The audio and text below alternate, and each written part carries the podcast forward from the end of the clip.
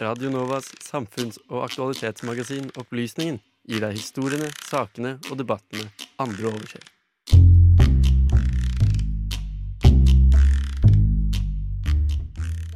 Fredag 6. mars er det premiere på dokumentaren Alt det jeg er.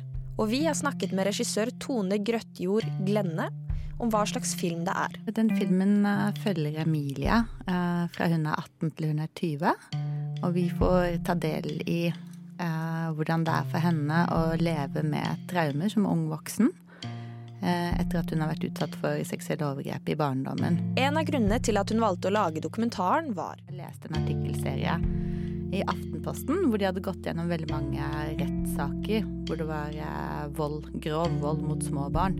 Så hadde jeg lyst til at vi skulle bruke noen år på å lage en film som kunne bidra inn i arbeidet mot vold og seksuelle overgrep mot barn. Dokumentaren setter også fokus på instansene som jobber med barn som har vært utsatt for overgrep, som. Og hjelpeapparatet hun er i kontakt med da, er jo på en måte Nav, og deres misjon er jo å få henne ut i arbeid.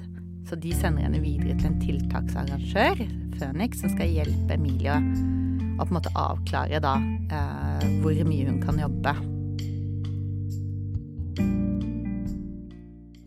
Og Maren, det vi hørte her, var jo deg i samtale med filmregissør Tone Grøttjord Glenne. Og i anledning filmens tema, filmen da 'Alt jeg eier', Um, alt jeg er alt, alt det jeg er, beklager. Um, I anledning den filmens uh, voldsomme tema har vi fått en gjest i studio for å forklare litt, da. Det stemmer. Eh, Jeg har fått med meg Rona Eriksen Andersgaard fra Smiso, som da skal fortelle oss litt mer om tematikken og litt om instansene vi har som eh, hjelper barn og andre som har opplevd overgrep. da. Så kanskje du først kan eh, fortelle hva Smiso er, og hva din stilling i Smiso er? Det kan jeg gjøre. SMISO det står for Støttesenter mot incest og seksuelle overgrep. Og vi er et eh, lavterskeltilbud for de som har opplevd seksuelle overgrep før fylte 18 år. Eh, så hos oss så er det eh, primært veldig mange fra 18 år oppover, altså voksne. Eh, men vi har også et tilbud til ungdom mellom 16 og 18, som vi har samtaler og, og grupper. Så mye av vårt tilbud, og vi jobber jo da etter hjelp til selvhjelp, det er at det skal være et sted hvor de som har opplevd overgrep, har muligheten til å få sette ord på det de har gått og båret på eh, gjennom mange, mange år, og et eh, fellesskap hvor de får eh, treffe andre. Eh, og så er det ulike eh, tilbud som vi har der av eh, samtaler, eh, grupper, eh, aktiviteter osv. Og det er gratis. Og det er, trenger ingen henvisning for å komme dit, så man kan faktisk bare komme på døra. Eh, og nå har vi holdt på siden 1986, så vi er en, eh, begynner å bli en gammel organisasjon, da. Så bra. Ja. Da har du faktisk tatt med noen av de videre spørsmålene mine allerede. Ja. Jeg tenkte å høre om da er det ikke noe behov for noe henvisning fra politiet eller noe sånt. Man kan bare møte opp.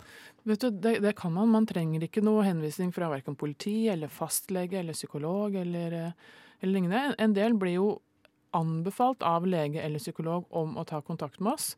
Eh, Men, men det er ingen papirer eller noen ting man trenger. Det er bare å ringe til oss eller finne adressen vår eller eh, finne oss på Facebook eller Instagram, og så bare komme, rett og slett. Det er veldig lavterskel, da. Veldig lavterskel. Og man kan bruke oss så lenge man ønsker. Det er ikke noe eh, krav, eller det er ikke noe sånn grense for eh, nå har du eh, vært her så og så lenge, så nå anser vi at du må være ferdig.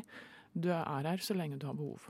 Hvor mange er det dere treffer cirka i løpet av et år?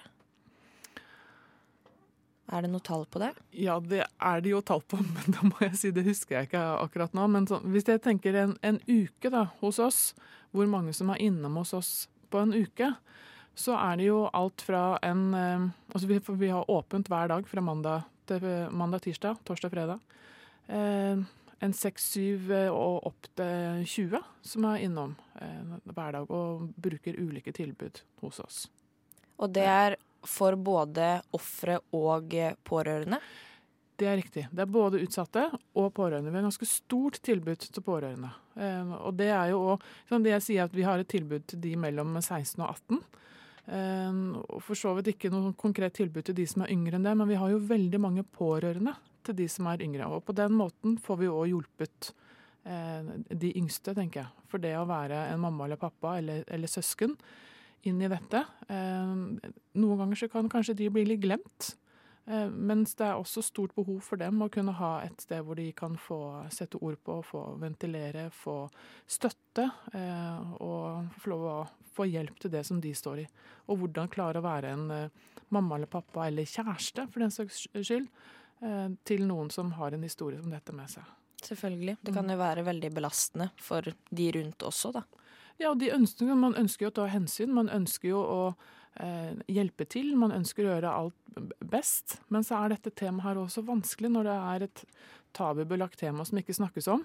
Så er det vanskelig å klare å finne de rette ordene. Man er redd for å gjøre ting verre eh, eller si noe feil. Eh, og da kan det være fint å ha et sted og få muligheten til å eh, sjekke ut eller eh, få en veiledning eller en støtte på det du står i. Mm. Mm. Så dette er noe dere eh, kan eh, hjelpe til med. Men hva slags tjenester og hjelp er det dere tilbyr? Er det psykologer, advokater? Hva er det dere kan bidra med, da? Det vi kan bidra med, det er også Vi, vi tilbyr ikke terapi hos oss, i og med at vi er et hjelp til selvhjelpssenter. Eh, men vi kan tilby eh, samtaler likevel. Og så er det et, et, tak på hvor mange samtaler som vi går inn i, rett og slett for ikke å gå inn i en, en terapeut-klient-relasjon. Um, og så har vi uh, mange ulike grupper.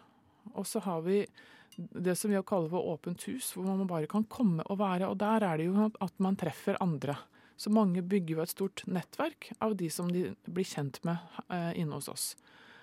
Og ved siden av det så kan vi jo òg følge til ulike instanser som er vanskelig. Eh, som, eh, som Nav, til politiet, til fastlege osv. osv. Eh, autoritetspersoner er vanskelig for mange å forholde seg til. Så vi henviser jo gjerne en del videre. Og når det kommer til de yngre, så må vi jo ha en god dialog med barnevernet f.eks., og også barnehuset. For å kunne henvise at man kan få rett hjelp på rett sted. Og eventuelt være med i en ansvarsgruppe for, eh, for de yngste spesielt. da. Mm. Så dere har godt samarbeid med andre instanser, da? Ja, det har vi. Ja. Mm. Um, kan du fortelle litt om på en måte selve prosessen, bare fra en person kommer inn til dere? Hvor, hvordan fungerer det? Hvor, hvordan tar dere veien, holdt jeg på å si? Det, kan, det er jo litt individuelt. Um, men en del som kommer til oss, kan jo f.eks. Um, Kanskje har de funnet oss på nettet, da. Og så har de visst om støttesenteret kanskje i to-tre år. Eh, men de har ikke tort å komme før nå. Eh, for så vanskelig er det å tråkke inn den døra hos oss. Da blir det litt sånn Alt det du har skjult for veldig mange, det blir veldig synlig med en gang du kommer inn den døra. Eh, og det er vanskelig å forholde seg til.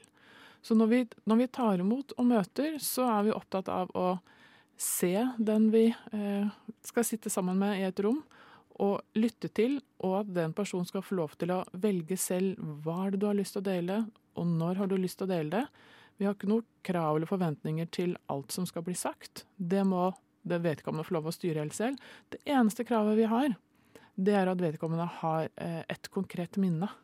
Fordi det er så mange av de tingene incestutsatte kan slite med, som også kan være andre eh, traumer som man kan være utsatt for, eller omsorgssvikt.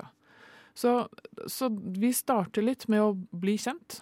Hei, hvem, hvem, er du, og hva er det som gjør at du har, trenger å komme hit til oss? Hva er det vi kan hjelpe deg med? Så må vi prøve å sortere litt og finne ut av, um, av alt det som dette går og bærer på. Og ofte så handler det om at vi er de første som får høre deres historie. Nå er jo gjennomsnittstiden fra første overgrep skjer til det blir fortalt, er jo 17,5 år. Det er jo ufattelig lenge. Så det å ha gått og båret på en sånn hemmelighet i så mange år, gjør at det er mange ganger vanskelig å finne ordene. Du har alle tankene eller følelsene og bildene i hodet. Eh, men det å sette ord på det høyt, det er det lite trening i. Så da må vi bruke tid. Så tid er viktig. Mm. Det høres veldig bra ut. Ja. Og så har jeg også lest at dere eh, bruker litt sånn fysisk aktivitet og musikk og sånn som terapi? Vi har en musikkgruppe, ja. en musikkterapeut som jobber hos oss. Eh, og det er, det er, ganske mange som liker det veldig godt. Det er ulike måter å uttrykke seg på. Og, og sette ord på eller komme i kontakt med eh, reaksjoner og den historien den går og bærer på. Så eh, musikkgruppe, yoga, malergruppe, eh, sommerleir, padling. Altså, vi har mange ulike former for eh, fysisk aktivitet, eller ikke Ja, ulike aktiviteter, da. Nettopp fordi at det er, eh, det er så mange måter å, å ja, jobbe med historien sin på og komme i kontakt med. Og alle disse tilbudene er gratis. De er gratis. Så Det koster ingenting. Det er veldig, jeg syns det er godt at noe fremdeles kan være gratis. Absolutt. Ja. Det er mye som koster mye. Eh, og dere holder til i sentrum av Oslo. Akersgata 1, helt nede ved Akershus eh, festning. Så det hvis er man bare har- å komme. Og vi har har taushetsplikt. Ja. det. er veldig bra. Eh, da vil jeg gjerne takke for at du hadde tid til å stille opp i intervjuet. Og så Takk for meg.